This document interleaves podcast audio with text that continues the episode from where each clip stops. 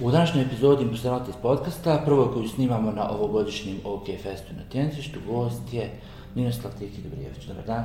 Dobar dan. kako si?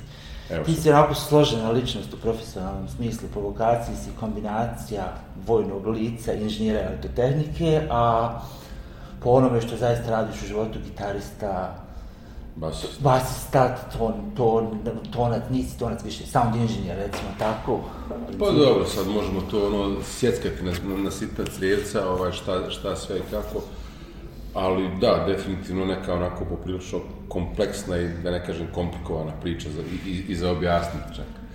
Ovaj, zato, naš, kad si me pozvao, prvo pitanje meni u glavi bilo potkud ja ovdje, šta ja, što ja? Pa moje, zbog toga što prvo pratim te online, drugo ti si jedan od značajnijih tonaca u regiji. Generalno, i svaka stvar koju napišeš u vezi s tim ima smisla. Upoznat si, informisan si, obrazovan si samim tim. Pa onda, dru, a drugi aspekt tvoje ličnosti, biciklizam je također fascinant, a treći aspekt bas gitara, neuro i tako dalje. Znaš šta, ovaj, pa meni je to nekako sve čudno što se tome uopšte pridaje značaj, jer, jer je to nekako potpuno normalna stvar. A onda shvatiš kad razmišljaš i kad vrtiš film da u stvari su normalne stvari postale poprilična rijetkost i nenormalnost u ovom društvu. Jer, Anomalija. Da, bukvalno. Greška u sistemu. Otkud vojska, da počnemo od početka, otkud vojna akademija? Uh, pazi, ovaj, ja sam ta neka, a mislim, znaš, svaka priča, svaka generacija je nesretna generacija kod nas. Ovaj, ali ja sam završavao srednju školu negdje te 95. kad se ovdje dešavalo šta se već dešavalo, taj neki kraj novi početak ili šta god i ovaj, ja sam tad ono, eh, neposredno prije toga u stvari, ja sam se bavio u samom ratu pa dobranstvom bavio sam se aviomodelarstvom. Mi smo tad, ono, znaš, šta si u ratu mogu raditi? Mogu, mogu se da, da izmišljaš neke gluposti. Ovaj, međutim, mi smo imali neki aeroklub koji smo napravili i sticajem okolnosti, mi smo 93. godine bili jedino mjesto u BiH gdje se letilo. Kad, kad je bila potpuna zabrana letova od strane NATO pakta, mi smo napravili sportski aerodrom ovaj, u jednom malom mjestu Čapu, pored Sanskog mosta, gdje je bio partizanski aerodrom nekada. Mi smo to sanirali, sjećam se to, cijelo ljeto sam vozio valjak, pevo pistu. I tako se tu, znaš, stvorila ta neka ljubav prema, prema ovaj, tim nekim vazduhoplovnim sportovima. E sad, moj generalni problem je što čega god se dohvatim, idem do kraja. Znači, nema ono kao poigram se, nego nekako previše zagrizem u sve to. I onda sam ja u jednom trenutku poželio kao da budem pilot ovaj, kako to već biva kod klinaca, znaš, svi smo mi željeli biti, ne, znaš, ili si, znaš, futbaler ili maneken koji je pilot. Tako sam ja htio biti pilot, logično. Ovaj, I onda dođe ta 95. gdje se sve raspada, a ti si u nekim ono, vizijama, nemaš pojma, nema šta se dešava oko tebe, nisi, da li je to neki odbrambeni mehanizam kod čovjeka, pa, pa se isključi neki svoj svijet. Uglavnom, ovaj, pošto je tadašnja Jatova škola u Vršcu bila nemoguća misija, realno, za nekog momka iz provincije, ovaj, ja tu na, na neki nagovor kao idem da, hajde kao na vojnu akademiju, kao da budeš pilot, kao nemam, pa, pa možeš poslije biti ovaj pilot. To je ono, kao dobro, okej, meni je to bilo sve svejedno. I ja tu odem ovaj, na, na taj neki prijemni, ovaj, ne prođem za pilota, međutim, zbog tih rezultata koje sam na tom testu, bilo u fazonu kao možda biraš šta hoćeš. I onda mene otprilike nagovore kao ajde na vazduhoplovnu tehničku akademiju, može ovo ono da skratim priču. Ovaj, ja tu ostanem na, na, na, na, na nagovor majke, rodbine, jer oni su u stvari svjesni bili da, da treba da se u tom momentu sklonimo, dakle, ja nisam pojma o tome. Ovaj, I ostanem u tom Beogradu, nisam se proslavio prvih par mjeseci jer mi je to bila ono nova sredina, odvojen potpuno stvarnosti, dešava se taj kraj rata, moji idu u neko izbjeglištvo, kolaps sistema, znaš, ne čuješ, ne čuješ se sa svojima mjesecima, nešto pojma, ni o čemu. I ono, moja ideja je bila, ok, nije ovo za mene, ide na kući, bježi, ništa to nije to. Međutim, ja sam prvi put došao u Banja Luku 95. na 96. na Novu godinu i kad sam došao tamo, kad sam vidio taj pakao izbjeglištva i te ovaj, sportske hale pune ljudi i onda sam jednostavno prelomio i rekao je, nemaš ti drugu opciju, bježi nazad, završavaj tu. I jednostavno sam se onda vratio na neki način i usput, opet, kako to biva, zagrizao u to, ovaj, otišao na Vojnu akademiju, završio elektronsko izviđanje protiv elektronska dejstva, posle će se ispostaviti super opcija, jer je to u stvari elektrotehnički fakultet pri vojsci. I tu opet izguram do nekih visokih pozicija u klasi, opcija da ostane PDM tamo na akademiji, pa onda bez zbog privatnih nekih majka, sestra, vratim se u Banja. Uglavnom, eto, to je otkud vojska, znaš. I onda kad sam završio, došao sam ovde da radim, to opet ljudima iz današnje perspektive a, nevjerovatno zvuči, jer ja sam sa 22 godine postao poručnik elektronskog ratovanja i, dolazim nazad u Banja Luku i postajem, znači, komandir jedinice od 40 ljudi. Prosječne starosti 33 godine. E sad zamislite danas jednog klinca, momka od 22 godine koji tako dolazi i dobija na upravljanje 3, 40 ljudi koji su stariji od njega. I neko vrijeme sam ja, ovaj, dvije godine sam u stvari, preko dvije godine sam proveo tu radeći. I onda je došlo opet do tih tumbanja, zajednička vojska, nemogućnost napredovanja u tom, jer NATO pak ne dozvoljava malim vojskama da imaju to što sam ja bio. Prosto sam vidio da to nije, nije ovaj, mjesto za mene, jer danas realno ne vidim svrhu vojske u ovoj državi. Ja sam rekao, ok, nije to za mene. I otišao da dostavljam picu po Gandolovici. To je otprilike kraj vojne karijere. Jesi prvo počeo da sviraš ili si prvo počeo da se baviš studijskim radom? Pa pazi, Je li prvo- išlo? Mm, vidi, prvo počneš da sviraš, u stvari, znaš, ovaj, jer to je, još, ja još uvijek, eto, sam bio u toj generaciji gdje je to sviranje instrumenta bilo simpa stvar. I da se ne lažemo, znaš, zbog nekih curica, trebica, počnemo to nešto kao da guslamo, sviramo, da budemo mangupi i to. I onda se tu deseti neki prvi bendovi, ovaj, kroz neko zazanje, a poslije sam naravno nastavio da, da sviram to i na Akademiju u Beogradu dok sam bio i nekako je to sviranje uvijek tu bilo. A onda, kako je taj tehnički aspekt kod raznoraznih bendova uvijek problematičan, dan danas je problematičan, a kamoli tad, jer jednostavno ne postoji razumijevanja te problematike, ljudi ne znaju to, šta da rade s tim, onda nekako ti po inerciji kreneš kao aj ti to nešto čačkaj, I sad, naravno, mene to zainteresovalo kako sad to funkcioniše i onda sam ja nekako spontano skontao da u stvari to što sam, što sam ja učio na toj elektrotehnici, to u stvari to ima izuzetno praktične implikacije u tom poslu i malo po malo ja sam počeo to ovaj, da čačkam što u live pr prvenstveno znači u live i kad sam vidio te mogućnosti opet nekog kreativnog izražavanja, malo pomalo je došao i neki prvi kućni studio i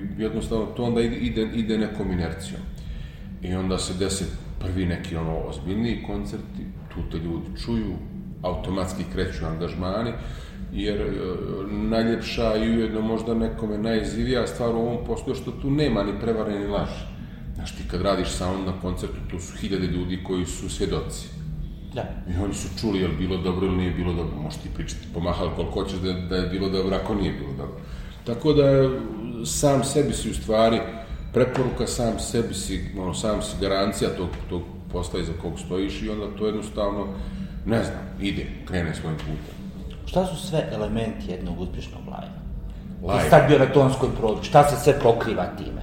I šta, u odnosu na ono što ide posle na nastupu, šta su, šta su sve Pazi, o- To radi tim ljudi, pretpostavljam, ne radi samo jedan čovjek. je. Pa pazi, a, čitav taj posao koji, koji ja radim i koji moje kolege rade kad je u pitanju live produkcija, a, ne mogu reći da je mistifikovan, ali je nepoznat realno, jer ljudi, što je u jednu ruku logično, jer a, ljudi koji dođu na koncert, oni jednostavno dođu na koncert. Dođu, odgledaju koncert i to je to, njih ne interesuje zapravo šta se tu dešava.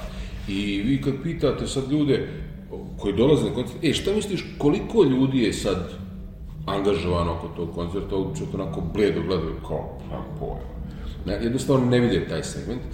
Sticajem okolnosti, ja sam prije par godina čak snimio jedan dokumentarni film koji se zove Ljudi iz Sjene, koji nikad nije publikovan, od dan danas stoji negdje u mojoj arhivi, koji se upravo bavio tom problematikom ljudi iz sjene, ljudi iza stage koji rade da bi, se, da bi se koncert desio, a koje u stvari niko ne percipira. Jer a, koncert za prosječnog gledalca počinje onog trenutka kada, ne znam, očita svoju ulaznicu, bar kod, šta već, uđe, kupi pivo, odgleda koncert ide kući. A za nas to obično počne danima ranije, sa razno raznim montažama, pripremama, evo konkretno sad smo na OK Festu, OK Fest efektivno je trajao tri dana, sad imamo ovaj nulti dan, malo neke promjene, ali za recimo nas iz, koji smo radili godinama tu tehničku realizaciju, kompletnu dem, OK Festa, to traje minimum sedam dana. Znači mi smo tu bar tri dana prije, dan ili dva poslije, onako to se, to se razvuče. A šta je bitno da bi to bilo kako treba? Pa, ovaj, možda bi do, donedavno rekao dobra oprema i tako dalje, međutim, neke stvari koje su se kod mene izdešavale u posle, proteklih par godina, a, mogu da kažem da je apsolutno najbitnija stvar u cijeloj toj priči su ljudi. Da imaš dobar tim ljudi koji će da realizuje to onako kako treba i na nivou koji se koju ta publika zaslužuje i koju ta publika plaća.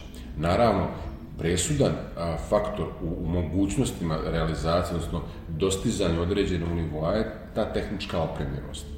I kod nas se desilo, desilo se da imamo neke te nove firme koje su došle u Bosnu i Hercegovinu, koje su zaista kupile vrhunsku opremu, ovaj, gdje sam ja, eto, sticajem okolnosti, došao da radim i pokušao da napravim neku, neku ovaj, novu, lijepu, veliku priču gdje ćemo mi konačno postati produkcijski nezavisni od velikih centara poput Zagreba, Beograda i tako dalje. Ovaj, sad opet ispalo je zanimljivo što to u Bosni nije Sarajevo, nego neka Banja Luka, tu složili se, jer ne uvijek postoje neke, neke čudne relacije, nepotrebne. Ovaj, uglavnom, e, ljudi, tehnički aspekt, znači ta opremljenost i na kraju krajeva a, organizacija festivala, odnosno taj, taj neki line-up, odnosno ko to svira i kako svira. E sad, line-up je nešto u što ja definitivno se nikad ne bi upuštao, mislim, u posljednje vrijeme, jer ja mislim da je to jedan jako težak i grozan posao. Danas pogoditi publici ukus i naći šta bi oni to da slušaju, šta, kako bi oni, šta bi oni da plate i da dođu, to je postalo jako nezahvalno jer se jednostavno publika raslojila, nema više tih nekih ovaj, mainstreamova na način koji su nekad postojali, danas je to sve očito malo nekim čudnim smjerovima. Ali kad je dobar line-up, kad je dobar band, kad imamo adekvatnu opremu, ne mora ona biti najbolja, ali kad je adekvatna oprema za prostor u kom se radi i kad imaš tim ljudi koji znaju šta da rade, tu jako teško može bilo šta da omane. Ako bilo koja od tih stavki zakaže, mi imamo problem.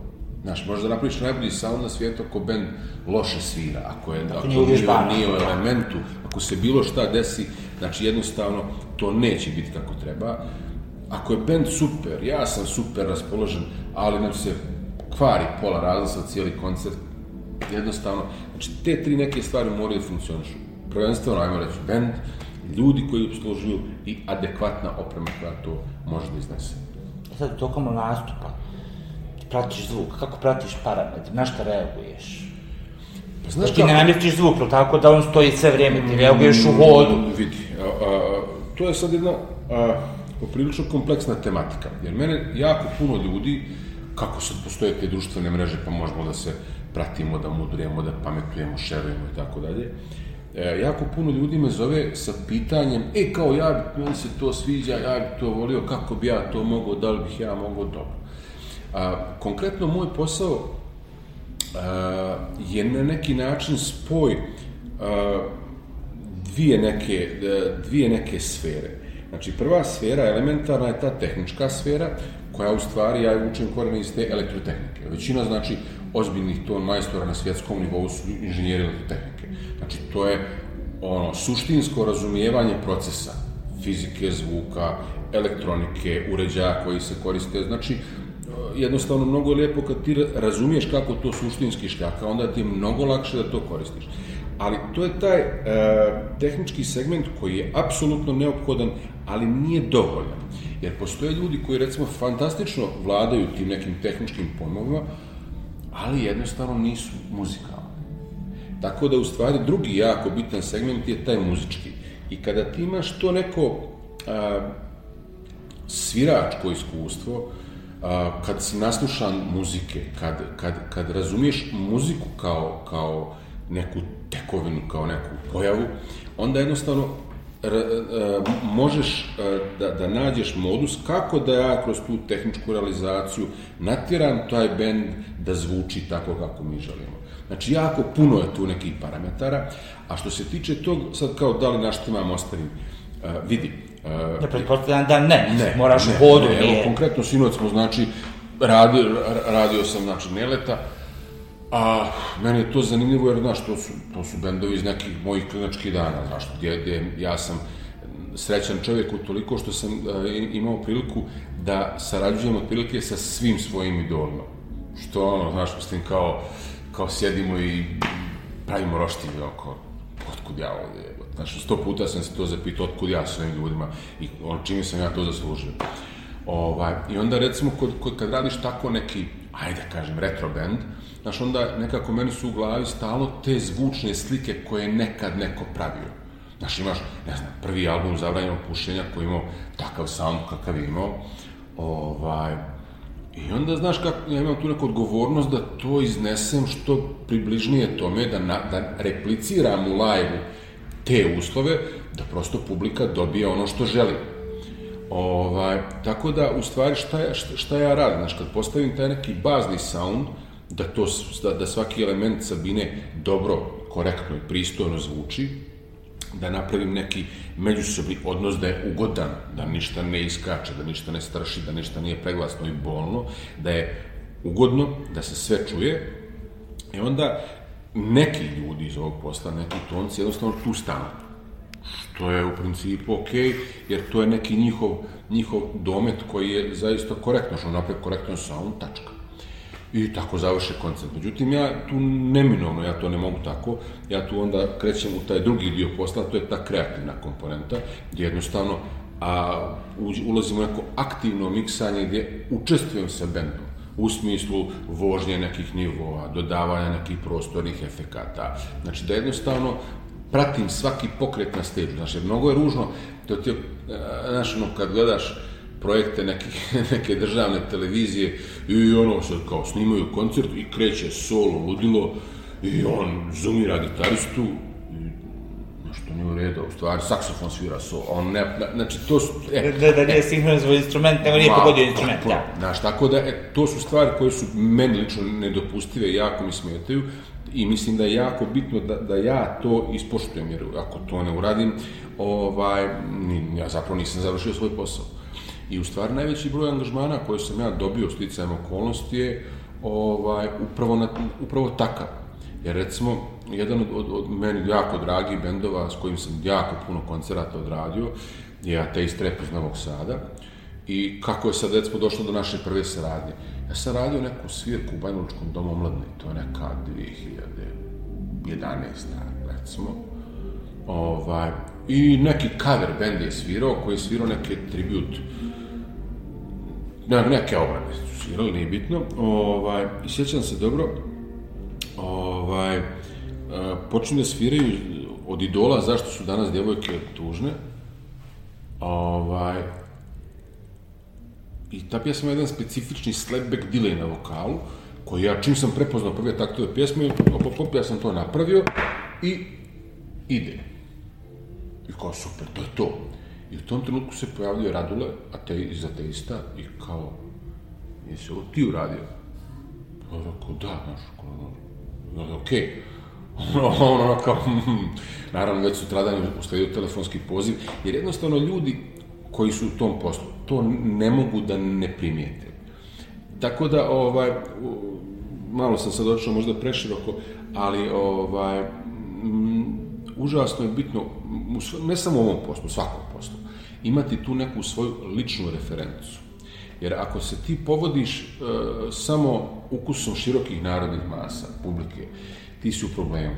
Jer nama generalno društvu kriterijumi prema svemu jako padaju i onda, znaš, ti kad napraviš, kao konkretno, sound, neki pristojan sound, kao su super.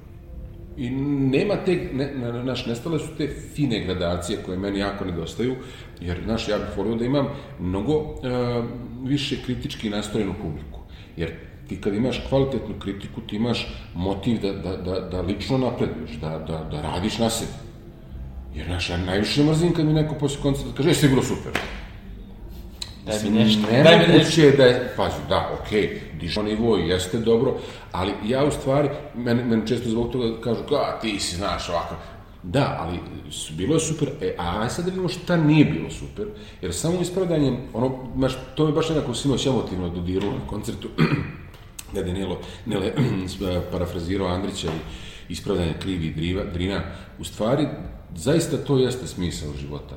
Da ti stalno radiš na sebi i na svom okruženju kako bi i ti, prvo prvenstveno ti, a samim tim i tvoje okruženje postalo bolje. Jer to je u stvari, po meni, osnova napretka bilo kakvog društva. Znači, bilo kakav napredak zajednice počinje sa napretkom pojedinca. Ne može zajednica napredovati ako pojedinac stagnira. I to je, to je sav trip. E sad, e, bas, bas, kako je došlo do basa? Jesi svirao gitaru prvo u startu ili si direktno počeo da sviraš Pa znaš šta, ovaj, ta moja sviračka priča, opet, opet je to kod mene sve nešto komplikovano. Ja se nek- nekad volio da su, da su priče prosti, ali eto, prosto nisu. Ovaj, ja sam u stvari, a, bio sam drugi razred osnovne škole kada se pojavila neka teta u razredu i pitala, e, ko bi da ide u muzičku školu? E, sad, kako Tipično to doba za rekrutaciju. Tako da. je, tako je. I ti sad kao ideš, kao hoćeš, šta će, dižemo ruke, idemo, znaš, ama tad ono, mislim, srećom tad nije bilo zamlata na YouTube-ovima, nego su nešto mora da radiš. I ovo, naravno, ja sam prijavio u muzičku školu, međutim, ja sam, ovaj, kao, kao dijete, ma ne samo kao dijete, ali ajde, recimo kao dijete, nisam ja neki radiša bio, znaš, nisam ja lik koji će nešto sistematski da se posveti radu, sam više, više se furao neke fore na inteligenciju, znaš, kao skapiraš kako nešto ide i to, to prolazi. Ovaj, ja sam, ne znam, gimnaziju završio bez dana učenja, sam prosto provalio sistem i ono, jednostavno, aha, prati, kapiraj, javljaj se i to gura.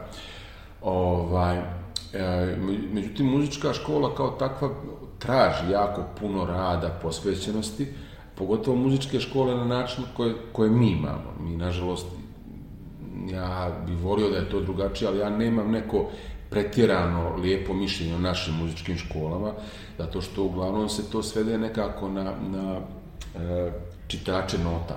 Znaš, e, jako je zanemaren taj kreativni aspekt. Možda griješim, ali ljude koje ja srećem uglav, uglavnom su, znaš, teoretski on to sve znaju, kapiraju, čitaju note perfektno, ali moje veliko razočarenje kad sam radio sa nekim od ljudi iz, iz klasične sfere, sa nekim, ne sa svim naravno, je što oni ozbiljno ne kapiraju muziku. No da se vratim na priču, znaš, ja sam to ono krenuo kao klinac, klačeš, sviraš, sviraš gitaru, muzička naklada Zagreb, uzmeš, guslaš, i ja sam imao, ovaj, mogu sad slobodno reći, jednog jako lošeg nastavnika, koji jednostavno, tada ja sam klinac iz Sanskog mosta, dolazi neki nastavnik iz Prijedora, drži te časove, onako polu nezainteresovano. Mislim, čovjek koji meni kao klincu sa ovolikim očima nikad ništa nije odsvirao. Mislim, o, o čemu pričam. I uglavnom ja sam tu nešto, taj pripremni razred išao, ponavljao i onda su meni nakon neke dvije godine mlačenja s muzičkom otprilike, ono, citirat ću kao, ti nemaš šta da tražiš u muzici, ti nisi za to. Mislim, klinica u trećem razredu to realno ne pogađa puno, jer paralelno s tim se dešava, dešava ZX Spectrum i prve kompjuterske igrice i boli te uvo, znaš.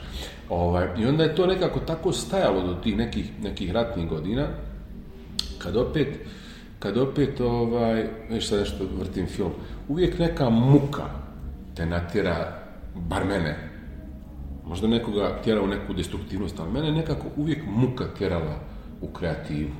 Jer to je po meni jedini način da isplivaš iz toga. Mislim, možeš da sjedneš da jadikuješ, ili možda kažeš, ok, čekaj, stani, ajde ja nešto uradim s tim. Tako da sam ja u tim ratnim godinama, još nema struje, haos, ludilo, ne zna se gdje se udara. Ovaj, opet se sjetio te gitare i počeo to nešto da guslam i onda, znaš, ono, skupljamo se po gradu, e, ko zna ovo, ti znaš, ono, aj ti ćeš ovo, pravimo neki band, ono. I naravno ja, zbog te gitare koju sam već imao, jel, nešto kao, naučio neke prve akorde i to, krenem da sviram tu gitaru, međutim, naš basista ne dolazi na probu. I jedna, druga, treća, peta i onda mi počnemo da kapiramo da u stvari vrlo je nezgodno imati band bez basiste. Da to prosto neće da ide.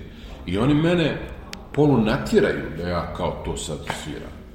Ja, ovaj naš, jer svi vole da budu gitarista Naravno. koji- mlati kosa. Ovaj, međutim, znaš, kako sam ja počeo da sviram taj bas, nekako sam počeo da se zaljubljujem u to, jer to fakat jeste onako neka ta poveznica između ritma i harmonije, taj neki fundament benda, znaš, no, bend ne svira G, dok bas ne svira G. Ovaj, tako da, to je, to je ovaj, proradilo kod mene, jednostavno, ja sam se u to zaljubio i počeo to, počeo to da sviram, čak posle neko, posle dugo niza godina kad sam čak držao neke časove te bas gitare početnicima, dobar dio moje priče se svodio upravo na to da ljudi, da tim budućim sviračima približim funkciju instrumenta, jer mene nikad nije zanimala virtuoznost kao takva i pokazivanje nekih mišića, nego upravo ta fundamentalna uloga bas? u muzici, da, da u stvari ti stvoriš atmosferu gdje jedan bend može da se osloni na tebe. Tako da je taj bas ostao kao takav. U nekom momentu je došao band Neuro. A, Pa Neuro je došao ovaj, u moj život eh, kad sam ja već ozbiljno zagazio u te neke studijske vode i live vode, jer ja sam, ovaj, šta je zanimljivo, kako, su, kako sam ja počeo da radim taj live iz tog lokala, pa sam onda počeo da radim te neke prve veće bendove, ne znam, jedna od prvih turneja, um, koju sam radio bila turneja Darkwood Daba i tako dalje. Ovaj, onda, ali ja sam nekako uvijek e, trudio se da to što, znanje i iskustvo koje sam sticao okolo po regionu, opet nekako vratim u grad. I tu sam ovaj, dobar niz godina proveo radeći recimo sa bendovima poput Sopota i Tankera, koji su u tom trenutku stvarno imali ogroman potencijal da nešto naprave i nekako mi je bitno i drago što sam dio te priče bio i na neki način sam i dan danas. Ovo, tako da nekako, znaš, ta čitava zajednica u, u Banja Luci, oko Banja, Luce, Banja Luke, se, međusobno smo se poznavali i ono, koliko- Podržavali koliko mogli. koliko, koliko je to moj, to je u muzici ono, esencijalna stvar. I onda se dešava tako neka priča, ba ima neki band, nešto sviraju, Roga iz Tankera mene zove, ej, znaš, ja sam htio da pomognemo kolegi da to zaživi, imaju njih dvojica neke pjesme, bil ti svirao bas, ajde. I bilo je zanimljivo, znaš što sam ja rekao, ok, ej, može, ali ajde ko ja hoću da budem samo glupi basista.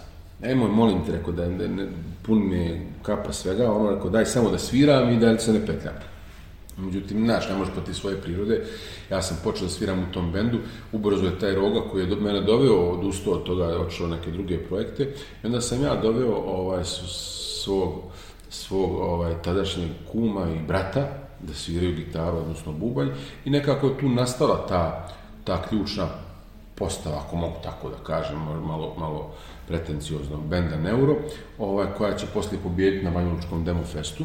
Jer desilo se, znaš, desilo se da su, ne znam, Oskar i Gala koji su radili inicijalno pravili te pjesme, ali nisu imali to tehničko i studijsko iskustvo i aranžersko kako da to dovedu do finalnog projekta.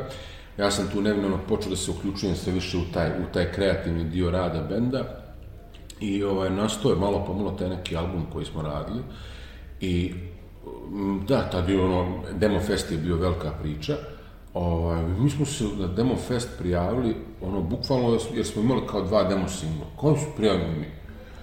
A, a toliko, ono, zaista, ono, nepretencijno, kao, tu smo, šta ima veze, prijavimo se. I mi kao prođemo na taj Demo Fest, kao mi se sviramo Demo Fest, okej. I ovaj, i kao sviramo prvo veče i prolazimo, znaš. A sad šta je zanimljiva stvar, znaš, ja radim na tom demo festu, ja sam, ra, radim tehničku realizaciju, i onda je ispalo super što smo mi, ovaj, baveći se e, realizacijom demo festa, uopšte nismo imali vremena da razmišljamo o sviranju, o tremi, o frcu, no, to je bilo, e, sad smo mi na redu, aj se kao mi odsviramo, i to je očigledno ostalo jako dobar utisak na žiri. Jer, znaš, izašao je band koji, ono, a, da, da, sjećam se dobro komentara Nikole Vranjkovića koji je bio u žiriju te godine, kad smo pričali na tu temu, on je meni, mislim, pošto on isto čovjek bez dlake na jeziku, rekao, vidi, ovaj, vi niste bili najbolji, dem, najbolji band na Demofestu. Vi ste bili band koji je najbolje odsvirao na Demofestu. Jednostavno, i to je zaista bilo tako, znaš, mi smo ono, su, u tom trenutku i ta prednost domaćih terena i ta naše iskustvo i navježbanost, mi smo jednostavno oduvali. Mogu to onako neskromno da kažem. Tako da desio se taj neuro, poslije toga se desio taj album koji je Aquarius pogurao, odnosno taj Demofest kao takav. Mi smo to, tu su isto se desile meni neke, neka dragocina saznanja, jer je, jer je u tom nekom mom studiju tada sniman taj album, a, uz producenta Dejana Vučkovića, od kog sam ja puno nekih stvari u, to, u tom trenutku naučio. U stvari sam tad možda najviše i shvatio da koliko je bitno da sarađuješ sa ljudima koji su puno bolji od tebe. Jer jednostavno ti ako radiš sa ljudima koji su tvoja liga ili ispod tebe, Mislim, to jeste, možda nekom je hrani ego i busta, ali ti jednostavno... Objektivne stagnacije. Ti stojiš, ti ne možeš nikuda. Uglavnom, taj, taj, taj neuro je tad imao jedan jako dobar onako impuls da se to pogura. Ja sam tu onda krenuo i neke, da ganjamo neke vizualne identitete, da to bude neka kompletna priča, jer sam se sve više paralelno upoznavao sa biznisom kao takvim. Međutim, naši neki članovi benda prosto, kako da kažem, nisu imali tu vrstu ambicije. Jer to jeste najveći problem bendova u ovom regionu, kod nas konkretno, ja to u Banja Luci se odgovorno tvrdim, vjerovatno nije puno drugačije ni u Sarajevu, ovaj, ne znam, Tuzli, Mostaru, da ti u stvari trebaš u jednom trenutku da prelomiš, da napraviš taj ono, kat i da kažeš, ok, izlazim iz zone komfora, nema više dnevnog posla u pošti ili ne znam gdje, nego sad idem da 24 sata se bavim bendom. Jer to je jedini način da taj bend dugoročno napravi rezultat. I ta moja, ta, ta moja percepcija se poslije, recimo 2017. godine kad sam radio tu neku evropsku turneju sa Dubiozom, potvrdila kao apsolutno tačna. To je to. 24-7 si ti u tom bendu i to onda mora da da rezultate. Ali, ovaj, ne znam kako tolerišeš ružne riječi u ovom podcastu, ali treba da imaš muda za to. Znaš, treba prosto da presječeš i da kažeš, e vidi, idem u nešto mnogo zajebano. Pa, kaže narod, komo panc, komo da, Skočiš na glavu, pa da splivaš, pa šta će biti? Zabole rijeđa. Tako da, uglavnom, to je priča s neurom koja se zbog tog, tog nepoklapanja ambicija članova benda u jednom momentu prosto ugasla, odnosno ja i Burazer koji svi robovi smo izašli iz te priče, prosto se nismo više tu osjećali ugodno. Onda su onda neke druge ljude, međutim, to više nije bila ta ta alhemija, hemija, šta god da se to dešava, jer to u stvari jeste najveći problem bendovske muzike dan danas, što je bend jedno živo biće koje traži da ljudi funkcionišu i žive zajedno. Ako nema tog faktora, ne može. To jednostavno, ili moraju da postoje s druge strane ogromne pare i ugovore koji to drže mislim i to je le, legitimna varijanta, ali bend koji nema te neke ozbiljne financijere i ugovore i menadžere, jednostavno mora da diše, živi kao jedno biće, jer u stvari svi bendovi koji su napravili veliki posao a, iz ničega su bili takvi. I onda kad toga više nije bilo, to bi meni postalo besmisleno, ja sam rekao, ok, vi svoje, ja svoje, I, ali definitivno to mi je onako jedan bitan i, i, i drag period života gdje sam mnogo, mnogo toga naučio. Sviraš li sad? Pa, pravo da ti kažem, ne. Ajde da, da, da najgrublji budem, zato što jednostavno ovaj, sviram u studiju. Znaš, ja, ja u posljednjih par godina uglavnom sviram u studiju, a, jer sam se za... Dosta sam ja ono, u tom nekom svom početku ovaj, karijere, svirao neke obrade, kavere. Ja se, mislim, to je neminovan dio, dio sazrijevanja, jer tu učiš neke stvari. Ovaj, ali sam se malo zasitio toga. Poslije sam ja često ulijeto kao neka zamjena nekim bendovima, kolegama, jer znaš, zovu te, znaš da može, znaju da možeš, pa odeš, pa odradiš. Ali prosto, znaš, to me je sve manje pričinjavalo zadovoljstvo. Sad ja kao stanem, pa sam ja neka faca, pa mi neko aplaudira. Nije to bio, bio moj žir, nego, nego me uvijek više privlačila ta kreativa. Tako da u stvari sad kad, kad sviram, sviram zato što zaista imam potrebu da nešto napravim, odsviram, da to ostane trajno zabilježeno. A istovremeno me, znaš, malo to uh, nervira, jer ja, iako nikad nisam bio neki tehnički superioran muzičar, nisam tome težio, daleko od toga, ovaj, meni je nekako danas razočaravajuće kad meni dođu neki klinci u studio, koji su znači u naponu snage, koji kao sad to treba da urade, i onda ja shvatim da ja kad nešto radimo, razrađujemo, sviramo, ja sviram bolje od njega.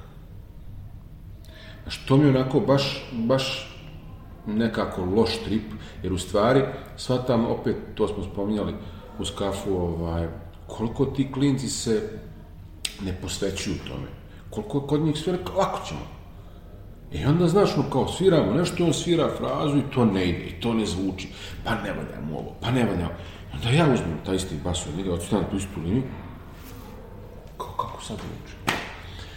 Tako da, eto, sviram u principu, a tu iz tog nekog poriva stvaralačkog sviram u studiju, sviram s klincem nekada, uzmemo, zazamo se i to, znači ono, bukvalno, e, dovoljno, ima ona što kaže, ja sam se namorala, ovaj, dovoljno sam godina potrošio na stvari koje mora čovjek da radi, da, da sad jednostavno sam u situaciji da biram šta ću i kad ću da radim.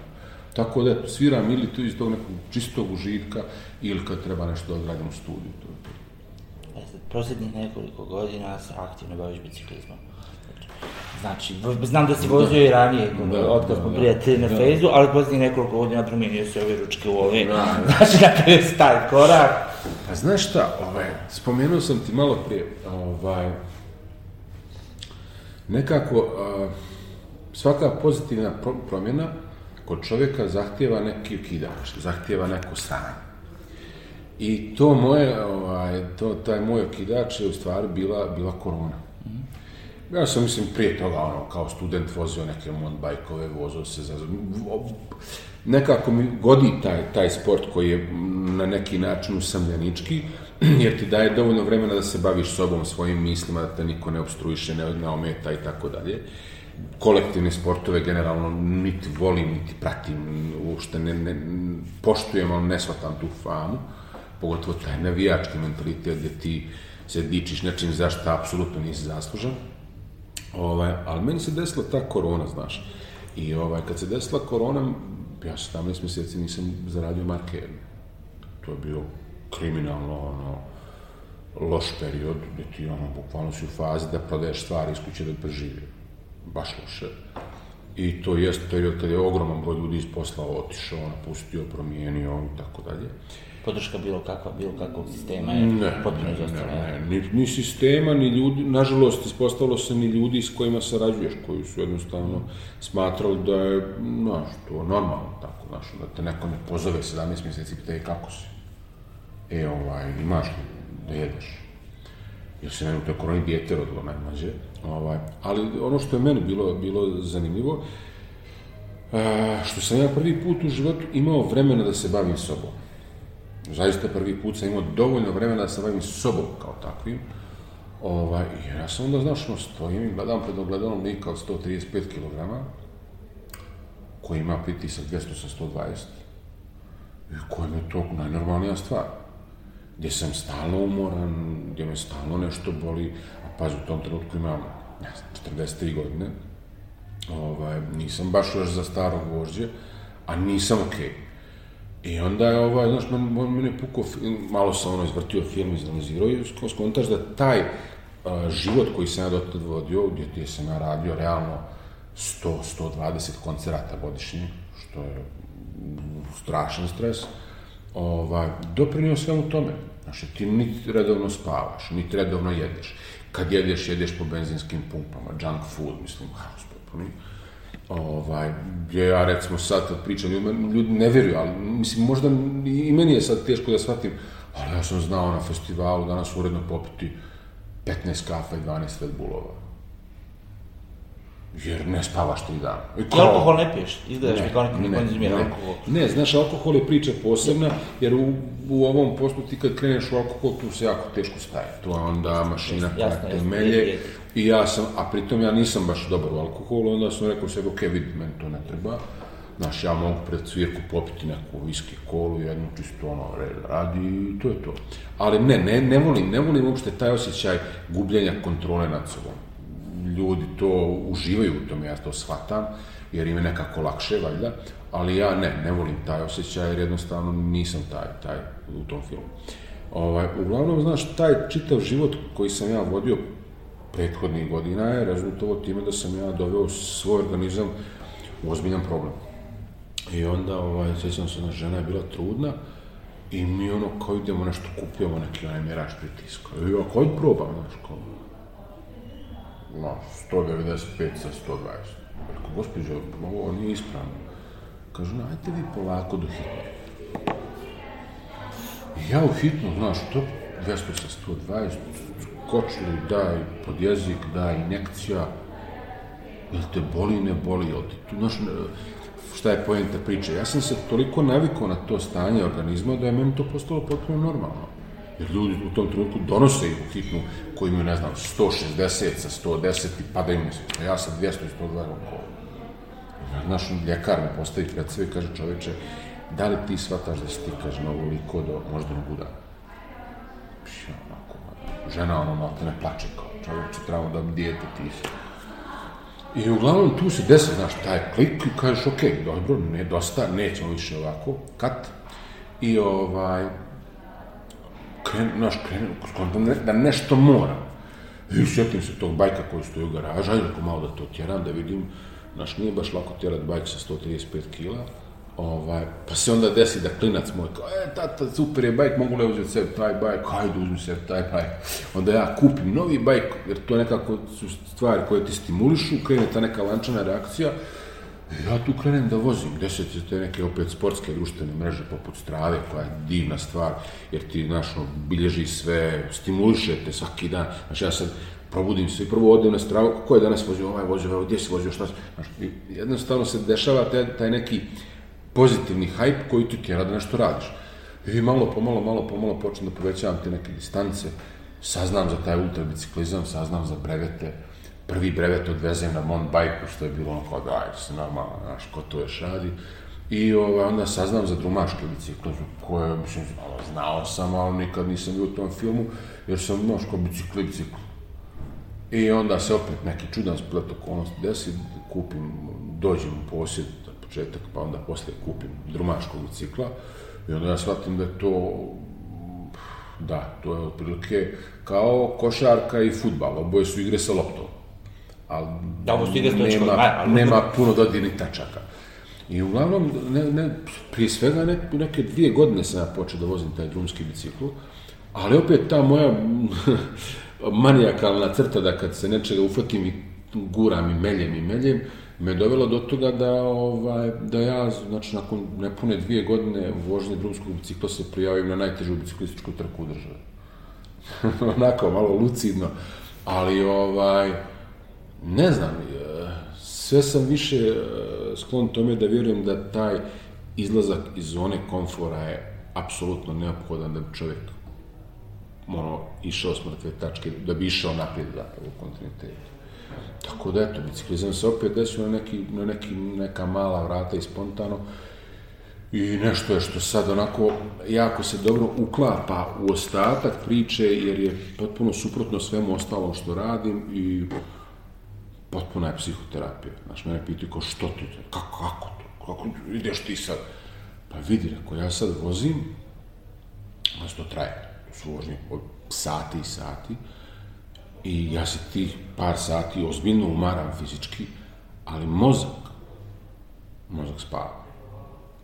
Znači, mozak je ono potpuno resetovan, znači, ja kad odradim par, znači, ja sam znao, odradim na festival, odradim tonske probe, slomim se sa, puca mozak, i šta da radim, aha, bajk, du, dva sata pauza do koncerta, odvezem, ispucam se, saterem se, i vratim se. Epica. Idemo dalje. Tako da ne znam, eto, ja sam sebi našao lekić. Odlično, ja. odlično. Šta dalje, šta planiraš? Pa ništa. Usto, ovako dalje? Pa ništa, znaš kako, ovaj...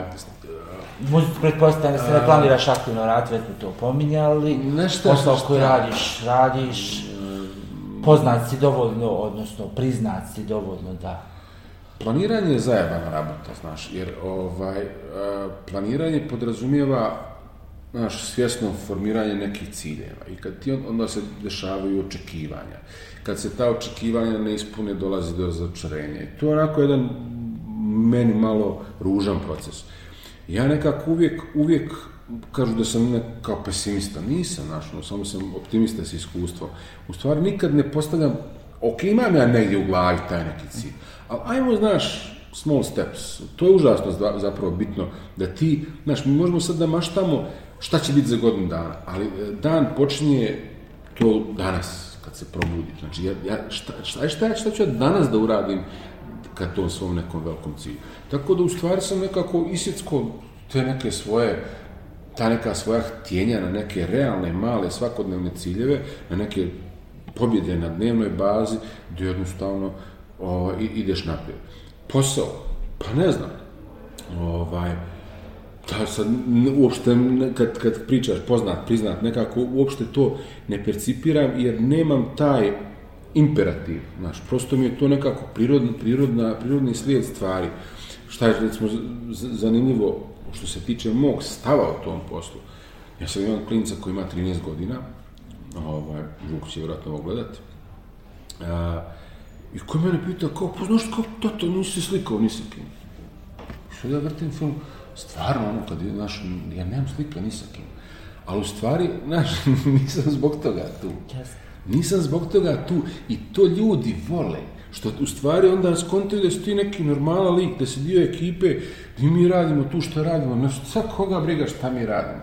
Ovaj, tako da, ovaj, meni je to nekako postalo prirodno okruženje. U stvari najveći, kako da ti kažem, najveći, e, najveće priznanje koje ti možeš da dobiješ u ovom poslu je kad dođeš na raznorazna mjesta, koncertne lokacije, festivale, a ljudi te dočekuju s osmijehom. Ej, znaš, grlimo se, ljubimo se. To onako ljubno sa strane djeluje jako čudno. Jer, znaš, mi se ne, ne vidimo nekad mjesecima, ali, znaš, prosto vežu nas ta neka pozitivna iskustva i onda ja kroz to u stvari vidiš tu neku verifikaciju svog rada. S druge strane, znaš, verifikacija tog posla kroz neku materijalnu dobit ne postoji, da se razumijemo. Kada vidiš koliko zarađuju ljudi iz, iz tog faha negdje vani, ovaj, to je stvarno kod nas na nekim jako niskim granama, ovaj, ali opet kažem, nije to toliko, toliko presudno, mislim, onak, svako ko ulazi u posao prvenstveno zbog para, on će u stvari da mijenja posao kao takav dok ne dođe do para. Mislim, toga smo svjedoci da ljudi otvore, prodaju kompjutera, pa pređu na dječje igračke, pa onda odu u, ne znam, nija, respirator. hamburgere.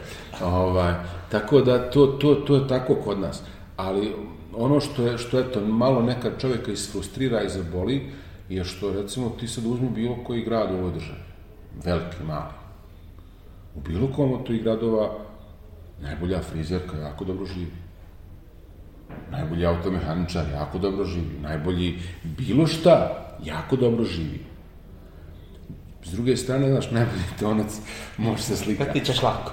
Jer, znaš, jednostavno u tom smislu, kod širokih narodnih masa, taj posao nije ni, ni priznat, ni poznat. Znaš, ono nekad, ono, Murija zaustavi na cestu, kao čime se baviš? I sad ja objašnjavam čim. Pa kao da se zaradi šta? Pa rekao zaradi. Kaj zaradi se, kurac, vidi kak- kak- kak- vidi kakvo auto vozi, ne kažeš bješ. Tako da, ovaj, znaš, nekako, eto, vo, iskreno, znaš, ono, volio bi kad bi se te neke stvari malo dovele u red, da neke, e, neki poslovi do koji se jako teško e, profiliše i dolazi, budu malo više vrednovani. Ali dobro, mislim, pazi, živimo u vremenu ozbiljne degradacije svih vrijednosti. Znaš, moja žena je predajena na fakultetu i ja kad vidim za koje pare ona radi svoj posao, tuga me uhvati. Ali jednostavno, mi u stvari možemo samo da se nadamo da će biti bolje i ono što sam rekao da radimo na sebi i da širimo tu energiju, makar kroz ovaj podcast, ovaj, da, da ljudi nekako počnu to da percipiraju i da shvate da promjena društva počinje promjenom sebe. Ti, hvala. Wil meer over de het.